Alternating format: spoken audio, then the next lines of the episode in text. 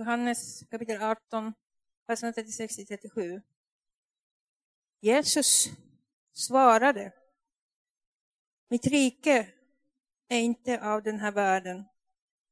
Hade mitt rike varit av den här världen skulle mina tjänare ha kämpat för att jag inte skulle utlämnas åt judarna. Men nu är mitt rike inte av den här världen. Pilatus sa, du är alltså kung. Jesus svarade, du själv säger att jag är kung. Därför är jag född och därför har jag kommit till världen för att vittna om sanningen. Var och en som är av sanningen lyssnar till min röst. Ja, så lyder det heliga evangeliet. Lovad vare du, Kristus. Och tack Anita för läsningen. Då får jag välkomna fram eh, dig Daniel. Du ska ju få predika. Ja. Och det finns så mycket gott och roligt att säga också om dig. Bland annat så prisas ju du på galor Stockholm över för dina arbetsinsatser och företag och annat. Men det är inte så ofta du skryter om det här. Nej. Så då, och det är väl bra? Då kan ju någon annan få skryta om dig istället. Och eh, så har jag märkt på dig att du är väldigt glad för Jesus. Mm. Och vi är så glada för dig, många runt dig. Så nu ber vi för dig och sen får du ge oss Guds ord. Amen. Vi ber för Daniel. Och tackar Herre för den här dagen som du har gjort. Och eftersom du har gjort dagen så tror vi att du har ett syfte med den. Och vi ber att dina syften ska få slå igenom i oss den här enkla stunden. Där du ger i våra sinnen det vi behöver. Där du förvandlar delar av hjärta som är sten till att bli hjärta av kött och blod. Och där vi får lära känna sanningen. Mm. Du som själv säger att du är sanningen. I Jesu namn. Amen. Amen. Amen. Tack Mats. Jag måste erkänna att jag är svag för rika berättelser. Alltid varit.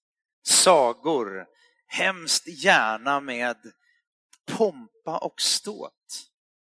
Den här berättelsen är ju långt ifrån en saga och det vi kommer in i texten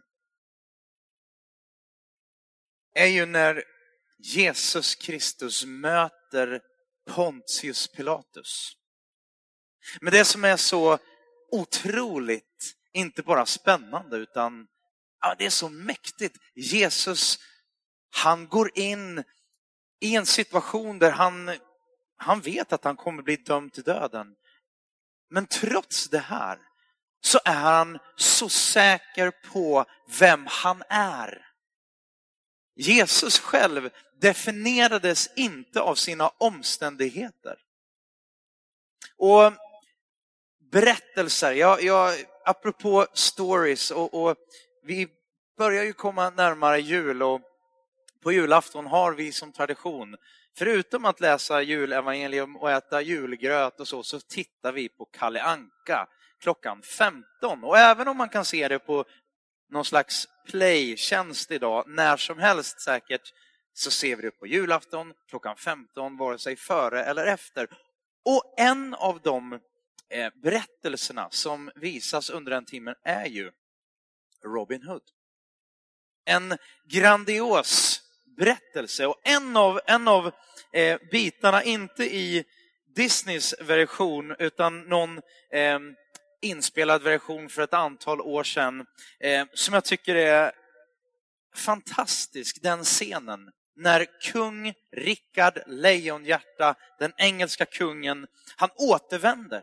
Han har ju varit i landsflykt och han återvänder till England, men han återvänder förklädd. Ingen känner igen honom. Han återvänder För han visste att han kunde inte lita på alla, han visste inte vem han kunde lita på, så han återvände till England förklädd. Och så möter han Robin Hood och hans eh, män där då, och de behandlar honom ganska så hårdhänt. För de vet inte att det här är kungen, Rickard Lejonhjärta. Så de börjar ställa frågor och de utsätter honom för lite prövningar och sådär. Och eh, efter en stund så tar Rickard Lejonhjärta av sig manteln. Eller rocken, den här kappan. Det var ju ingen mantel, för då hade man sett att det var en kung. Men han tar bort den här kappan och han fixar väl till sig sådär. Och då böjer Robin och hans män sina knän och jublar inför kungen. Kungen var där hela tiden. Men det var först när han avlägsnade kappan som alla insåg det. Det är det, bland annat det som händer första advent. Första advent. Jesus, trots att han är omklädd i en slöja av mänsklighet, ödmjukhet. Jag antar att på gudstjänsten i morse så lästes texten om hur han rider in i Jerusalem. Vi har inte läst den idag eller här nu på eftermiddagen, men helt enkelt när han rider in på en åsna i ödmjukhet. Men låt oss inte missta honom för en förlorare, utan han är en kung. Och just det här med advent, Ehm, så ser vi det både i när Jesus rider in på en åsna, men också här i dialogen med Pontius Pilatus. Han står där och är dömd av judarna och han står där vid den här personen i, i, med, med, mänsklig makt, som är, har makt att döma honom till döden. Och man tänker så här, ja, jag hade nog tänkt, så här, vad ska jag säga nu för att få mig att framstå bättre? Det verkar också som att Pontius Pilatus letar efter anledningar till att faktiskt fria Jesus. Varför, varför går inte Jesus då bara in i, i, i det och säger de rätta sakerna för att rädda sig själv? Nej, för Jesus kom, han kom inte för att rädda sig själv, han kom för att rädda oss. Och det här med riket. Men nu är mitt rike inte av den här världen. Det här med riket, när Jesus talar, det verkar vara väldigt, väldigt centralt för Jesus. Man ser det hela tiden. Faktum är, det var någon som sa, egentligen predikar inte Jesus om någonting annat än Guds rike. Guds rike, han, han predikade inte helande, han helade människor. Han predikade inte befrielse, han befriade människor. Han predikade en massa, massa saker. Men centralt var att han predikade Guds rike. Vad är då Guds rike? Guds rike är tydligen inte ett rike som andra riken av den här världen, men det är fortfarande ett verkligt rike. Man kan säga så här att Guds rike delvis handlar ju om Guds regerande. I den här dagens text då står det att det inte är av den här världen, men att det är upprättat. Det finns, och vi kan läsa om att det finns mitt ibland oss. Inte av den här världen, men i den här världen. Jag brukar säga att Guds rike, det syns inte, men det är verkligare än det verkligaste riket, verkligare än vår verklighet här.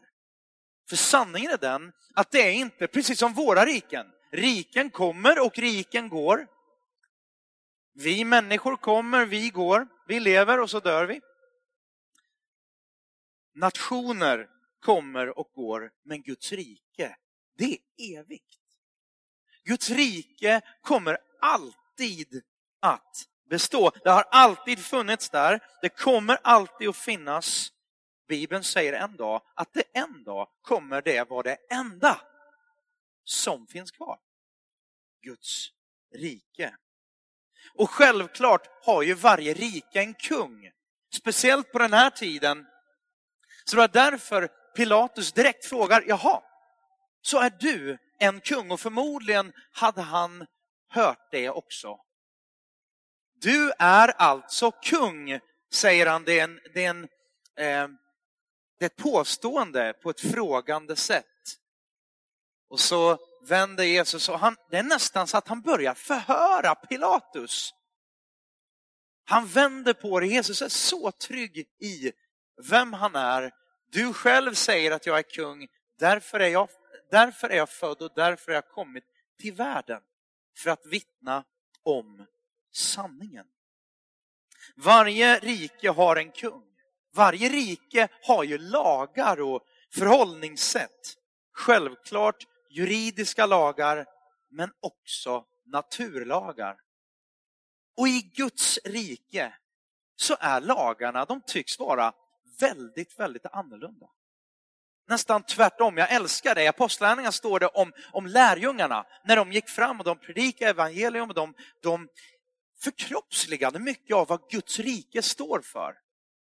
Och då står det, vart än de, de begav sig och, och, och gick fram så blev det stundtals lite tumult för det var så många människor som kom till tro. Och då står det att, att man började, ja, först inte bara tumult, utan man, man sa så här, det är som att de, de vänder världen upp och ner. Och jag tänker, det är ganska bra. För det är precis det som Guds rike är. Guds rike är inte upp och ner, utan våran värld är upp och ner många gånger och måste vändas rätt. Guds rike handlar om saker och där man, när man engagerar sig, man bemöter folk på ett Guds rikes sätt, enligt Guds rikes lagar, då handlar det inte om att ta för att få. Nej, i Guds rike så är det tvärtom. Du ger och då kommer du att bli rikare. I den här världen, du pratar om, eh, om att, att vara i, i, i affärslivet, kanske näringslivet och någon annanstans. Jag har sett det i kyrkor också. Vet ni vad? Alldeles för ofta, för att på något sätt kliva uppåt och, och, och, och, och, och liksom gå vidare och klättra på stegen här i någon slags karriärstege, då trycker man ner andra för att själv komma högre. Min son spelade fotboll idag, i morse. Han förlorade med 7-2. Det behöver inte säga något, han var inte jättenöjd med det. Ja, men I fotboll finns det ju en vinnare och en förlorare. Det är liksom poängen. Men vet ni, i Guds rike, där behöver det inte finnas några förlorare. Jo, det finns en förlorare. Det finns en stor förlorare och det är djävulen. Det är våran fiende. Han har redan förlorat. Han har lite eftersprattel. Men han har förlorat.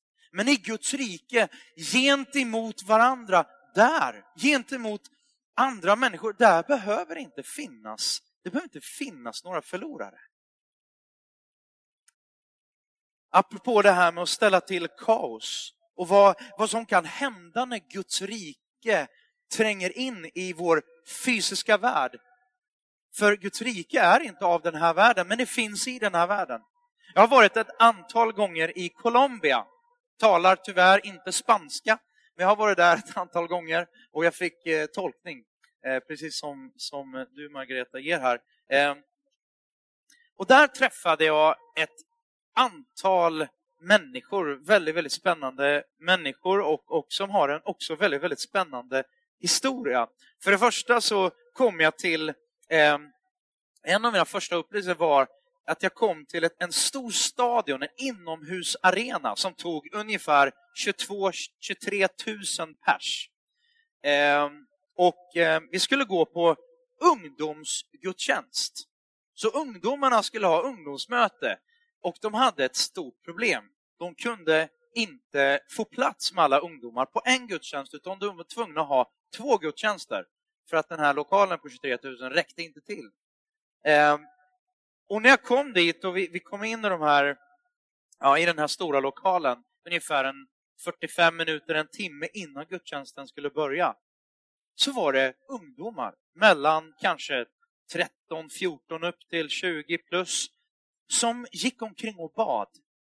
Och det var som att det var ett öronbedövande sorl. För det, blev, det, var, det, var, det ekade, lite som det gör här inne idag. Det ekade och folk, de här ungdomarna, gick och bad. Och när man lyssnade till några av dem, vad bad de för? De bad inte för någonting konstigare än att de bad för sina vänner, för sina familjer och för sina nära och kära, att de skulle få lära känna Jesus precis som de hade fått lära känna Jesus. Och det hela det här, det här började med eh, ganska många år tidigare, men, men en pastor som, som älskade Gud och, och, och predikade som, som så många andra pastorer och brydde sig om eh, liksom sin församling. Och, och, och, men någonting hände där Gud bestämde sig för att göra någonting mäktigt genom den här församlingen i Colombia. Så att de började se människor som gick på mycket knark, började se dem bli frälsta och befriade från droger. Faktum är att det var så mycket folk som blev befriade från droger och, och kom med i församlingen, blev frälsta och födda på nytt, så att drogkartellerna i Colombia började förlora pengar. De stängde ner drogkarteller. Det var, det var liksom, det, och, och, då kan man säga att för drogkartellerna, där var det verkligen så att deras värld höll på att vändas upp och ner. Verkligen.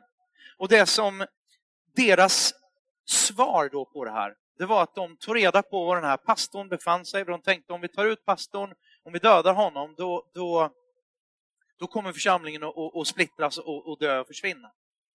Så de tog reda på vart han var och på något sätt så skuggade de honom, förföljde honom och vid ett övergångs, eller vid ett rödljus så körde två stycken motorcyklar upp på varsin sida om pastorns bil där de stod stilla och sköt med automatkarbiner rakt in i den här bilen där pastorn och hans fru satt. Eh, pastorn han fick fem skott i sig och frun fick ett skott i sig. Eh, jag tror att han låg i intensivvård i ett par månader. Men först och främst, direkt där hände, vad hände med församlingen då? Blev de rädda och la sig och splittrades? Nej, de samlades och började be. Under tiden som pastorn låg på intensivvårdsavdelningen, kanske, jag vet inte om han var, var i koma eller vad det var för någonting. Under tiden så började hundratals och tusentals människor börja komma till tro. Där har, det, det är Guds rike, det är lite annorlunda. Bara Jesus själv. Äh, förresten, jag måste berätta vad som hände med pastorn. Jo, efter ett par månader så, så fick han, skrevs han ut och idag är han alive and kicking, som man säger. Idag så, så tjänar han Gud och jag tror att, att det var nu ganska många år sedan jag var där. Jag var där 2002, 2003 tror jag, sist. Och, men då var församlingen hör och häpna, någonstans kring 250 000 personer. Och de har liksom varit med faktiskt och förändrat den, den nationen. Gud vill, vi kanske inte på det sättet har lika extrema problem med just drogkarteller, men det är mycket droger. Det är mycket trams, det är mycket elände. Man läser och jag läser mycket för jag vill vara nära samhället. Vad händer där ute? Jag läser mycket om en ökande psykisk ohälsa. Jag läser mycket om en massa elände, människor som far illa. Vi må ha alla system, alla sociala system i världen. Nummer ett så hjälper det inte annat. Nummer två, det spelar ingen roll om vi har alla pengar, all succé, all framgång i världen. Om vi inte har det rätt ställt med Gud, om vi inte har det rätt ställt med Jesus, då hjälper inte allt det där andra. Min bibel säger i Matteus 6.33, om du söker Gud och hans rättfärdighet, då ska du få allt det andra också. Vet du, så ofta lever jag inte så. Det är alldeles för sällan jag lever så. Det är alldeles för, för ofta jag lever för allt det andra först.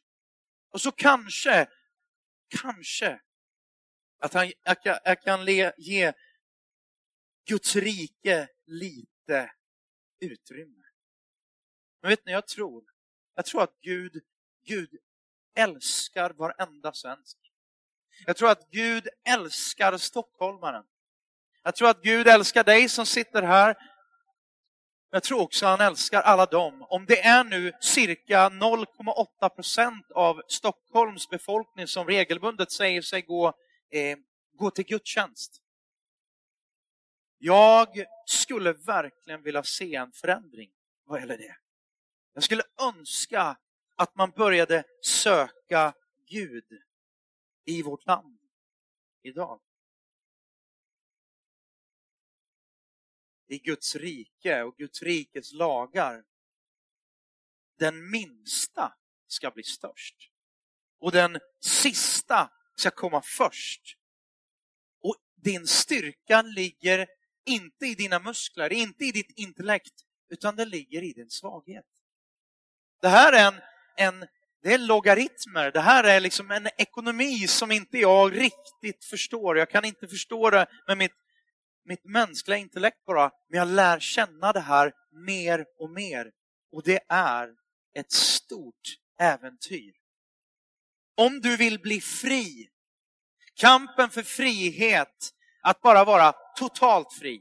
Sverige hamnar högst i sina undersökningar kring vad man vill för någonting, vad man längtar efter mest. Sverige hamnar högst i världen, var en studie som visade. Där det, prim, där, där, där det man längtar efter mest och strävar efter mest, det är ekonomisk frihet. Ekonomisk frihet, det betyder att man inte, att man ser sig själv, vad skönt. Jag är inte beroende av någon annan någonsin i någonting. Jag klarar mig själv. Det är ganska svenskt, skulle jag säga. Jag satt och pratade med en, en person för ja, ett, ett tag sedan och vi satt och pratade och det var inte ett kyrkligt sammanhang utan vi satt och pratade och den här personen hade en väldigt, väldigt härlig personlighet på många sätt. Där, ja, det, det, det, var en, en, en, person som var ja, men, ansvarig och hade en officiell position i ett ganska sådär, ja, men, hyfsat ansenligt eh, sammanhang. Eh, och, satt, och, och satt och pratade om liksom sådär, ja men jag gör saker annorlunda. Okej, okay. ja men så pratade vi vidare och sådär. Ja, jag går min egen väg, sa den här personen. Och så satt vi och pratade lite och, och jag märkte det var väldigt viktigt för den här personen att berätta, jag går min egen väg. Och när personen i fråga, det, hade inte, liksom, det var inget jag satt och tänkte på länge, men plötsligt så kom det bara. Och då sa, så här, när personen sa det kanske för tredje gången i, i rad, jag går min egen väg. Då sa jag, är inte det väldigt ensamt? Då blev den här personen väldigt tyst. Och efter en stund sa personen till mig, du, så har jag aldrig tänkt på det. Jag har aldrig tänkt på att ja, men det är ju elände. Kanske inte sa just så, men ni fattar. Och jag tror bara så här, ibland springer vi på och vi upphöjer denna individualism och att jag ska klara mig själv så, så otroligt mycket. Och det bottnar i ett högmod, tror jag. Bland annat som handlar om att nej men jag ska inte ens behöva, jag behöver inte ens Gud. Guds rike. Där två eller tre samlas i mitt namn, säger Jesus, där är jag, Jesus själv, mitt ibland er. Teologer diskuterar ibland om den här översättningen, mitt ibland er, om det är den bästa eller om det egentligen hellre borde heta invärtes i er. Och där har du kanske lite av, eller mycket, av ja, men vad är det som, varför ser vi det inte? Jo, därför att det är på, en annan, på ett annat plan och det är på vår insida. Guds rike kommer inte så att man kan se det med ögonen. Ingen ska kunna säga så här är det eller där är det. Nej, Guds rike är mitt ibland er, säger Jesus. Johannes 18 och 37, den här sista biten då, så du är alltså kung.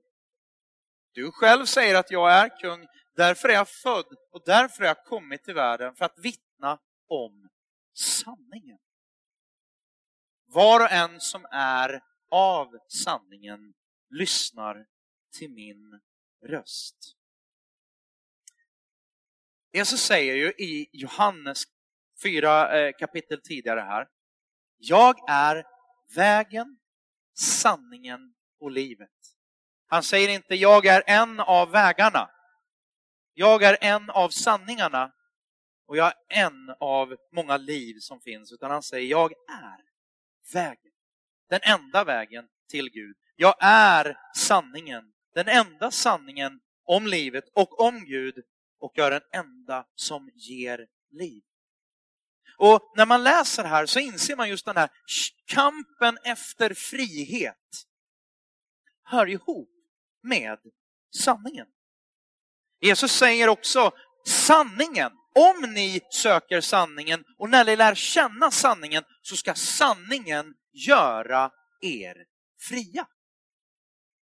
Är det någon här som sitter med ett, ett behov en längtan av, jag skulle vilja vara fri, men jag inser att jag inte är fri.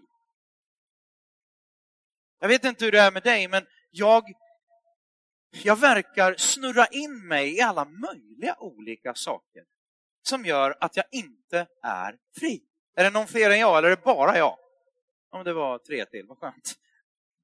Tack Johan. Det är Johan och jag. Ja, jag är, nog, jag är lite mer insnurrad nu. Alltså det här med frihet är ju oerhört spännande. Sanningen är också väldigt spännande. Här först och främst så, så är det ju bara så att vi, vi tänker ju att nej men vi är ju liksom en absolut sanning. Det, det kan ju inte finnas. Vad menar jag med det? Jo, en sanning som är rätt för alla. Har ni hört det här? Har ni hört det här eh, uttrycket någon gång. Ja, men jag, jag, eh, eh jag tänker att det här är rätt. Men faktum är att eh, om det där känns bra för dig så är det rätt för dig. Eh, frihet och sanning. Så sanningen, då tänker man ju så här, ha, men då finns det ju, om det finns en sanning, då finns det någonting jag behöver förhålla mig till. Eller hur? Och om det finns något jag behöver förhålla mig till, jag måste ta hänsyn till, per definition, enligt ganska många filosofer, så är jag ju längre inte fri. Per definition, om jag måste förhålla mig till någonting, om jag måste ta hänsyn till något, den ultimata friheten, det är ju då, det måste ju vara om jag inte behöver ta hänsyn till någon eller något. Det märkliga är att Jesus säger, jag är vägen. Jag är sanningen och jag är livet. Om vi tar en kärleksrelation, vilken som helst, eller mellan två människor. Då kanske du säger, och du kanske tänker så här, men jag har gett upp så många saker. Om man pratar om, om kärlekens frihet. Ja, men jag, har, jag har gett upp så många saker för att ja, men för den här människan som jag, som jag älskade. Och jag blev sviken. Och Det kan göra enormt ont. Men sanningen är den att kärlekens frihet kommer bara om du avstår andra typer av frihet. Jag ska försöka snurra ihop det här ganska, ganska kort. Vi är så rädda, tänker jag, att bli felbehandlade. Och vårt samhälle säger så mycket. Eh, ja, men vi, tar, vi tar en annan film om det är okej. Okay. En film som, ja men det, den är ganska gammal nu, men, men, men eh, jag kommer ihåg den i alla fall. Den hette, eller heter, iRobot. Är det någon som har sett den? Jag kan inte rekommendera den kanske, men jag kommer knappt ihåg den. Men jag, jag kommer ihåg det här. Det är en robot i alla fall, som, som tillverkaren har skapat och lagt ner någonting speciellt i. Jämfört med alla andra tusentals robotar någon gång i framtiden, liksom så, eh, så har i alla fall tillverkaren lagt ner någonting speciellt i den här roboten som heter Sonny. Och den här roboten Sonny, han hade som någon slags syfte och han blev tillverkad för att göra uppror och frigöra alla de här robotarna. Och, och liksom, eh, ja, helt enkelt eh, skapa en, en ny robotvärld liksom, på något sätt. Ehm, och när han väl har gjort det, när den här roboten väl har gjort det, så går han till den här personen då, den, den här människan som han har lärt känna, som heter Detective Spooner, en, en eh, polis. Och så säger han så här, ja, nu, nu har jag ju liksom uppfyllt mitt syfte. Nu har jag gjort det här som jag var skapad för. Så nu vet jag inte vad jag ska göra med mitt liv, säger den här roboten. Och då svarar Detective Spooner, säger han så här, någonting i stil med, ja, då är, det, då är det väl bara kvar att du, precis som alla vi andra, får hitta vår egen väg. För det är det, det är det här som det innebär att vara fri. Du har inget syfte, du har ingenting att få, du skapar ditt eget syfte. Det säger världen och det här samhället, skulle jag säga. Jesus är väldigt tydlig. Så ser inte Bibeln på det. Och jag tänker att manusförfattaren i det här svaret har på ett mycket så här, ja, men kärnfullt sätt lyckats koka ner den moderna förståelsen av vad det innebär att vara fri. Om det finns någon tanke från någon som skapat dig att du, som du måste förhålla dig till, då är du inte längre fri. Jag ska försöka väva ihop det här, men Jesus säger att han är sanningen och han, genom sanningen, eller han är sanningen, han gör dig och mig fri. Det står i början av Johannes evangeliet, första versen. I början var ordet. Och det här ordet, det är inte bara vilket ord som helst, utan Johannes använder ett väldigt, väldigt tungt ord i grekiskan. Han använder ordet logos. Och det här ordet logos, det hade grekiska filosofer diskuterat och använt eh, och ja, men, samtalat om i ja, decennier, för att inte säga år, århundraden. Och det var ett ord som innehöll tanken kring just mening, eller kanske till och med meningen med livet. Det vi var skapade för. Så när Johannes använder det ordet så tror jag inte att han bara tar ett, ett ord bland många som skriver ett ord, utan han tar ett ord som beskriver det tyngsta på ett sätt du kan tänka dig och något som kunde relatera till de som skulle läsa. Logos, tanken och meningen med livet. Det finns en absolut mening. Det finns en absolut sanning.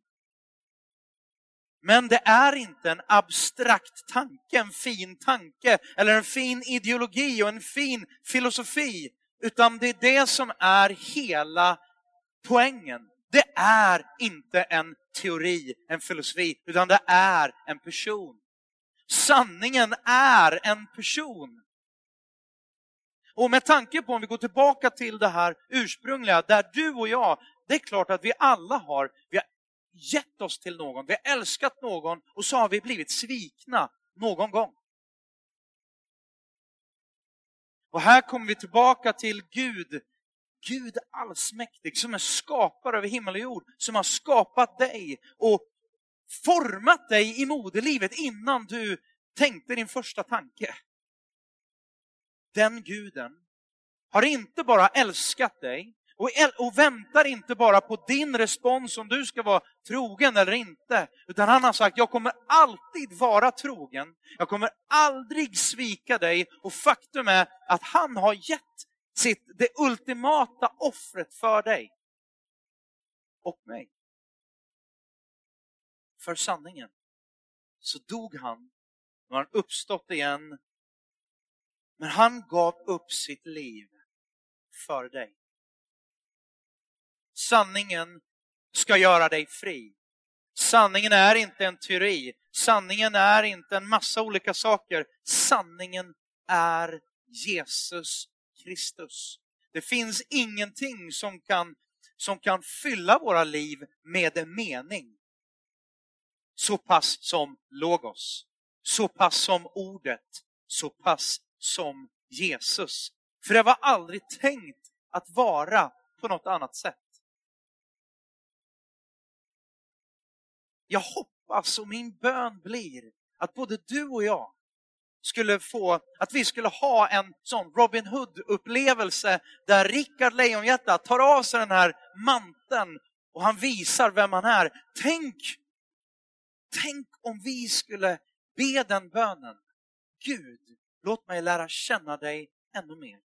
Gud, låt mig få se ännu mer av vem du är. Låt mig få se mer av ditt rike. Låt mig få se mer av möjligheterna i ditt rike. För Guds rike är mitt ibland oss. Om man kan se förvandling i en stad som, som eh, eh ja, i Colombia heter huvudstaden Bogotá såklart. Om man kan se en förvandling i en sådan stad, då kan vi se det vart som helst. Ska vi be tillsammans? Himmelske far, du säger i ditt ord, Jesus, du säger i ditt ord att Guds rike är nära. Himmelske far, jag ber att du skulle låta som vi ber, låt ditt rike komma. Låt ditt rike ta sin plats ibland oss. Herre, där vi far fram i vardagen, Gud,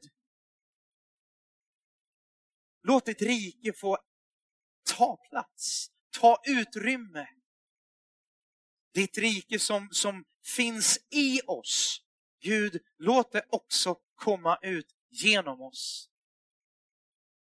Underbara Jesus. Du som inte bara har en sanning, utan du som är sanningen. Jag ber dig, låt oss få lära känna dig.